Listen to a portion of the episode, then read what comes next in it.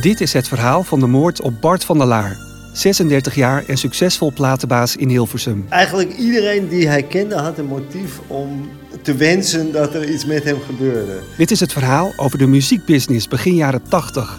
Met schimmige deals en miljoenencontracten. Er was nog nooit iemand uit Hilversum of, eh, vermoord. Of, we hadden, kenden geen maffia. Dit is het verhaal over extravagante feesten met prostituees en de nieuw opkomende druk cocaïne. En er stonden er zes, zeven prostituees voor de deur. Cadeautje van Bart. En dit is het verhaal over een van de grootste gerechtelijke dwalingen ooit in ons land. Het was het grootste rechercheonderzoek in die tijd. Het amateurisme waarmee dat gebeurd is, dan verbaas je je daar wel over. Dit is de showbizmoord. Barbertje moest hangen. Die zaak die moest de wereld uit.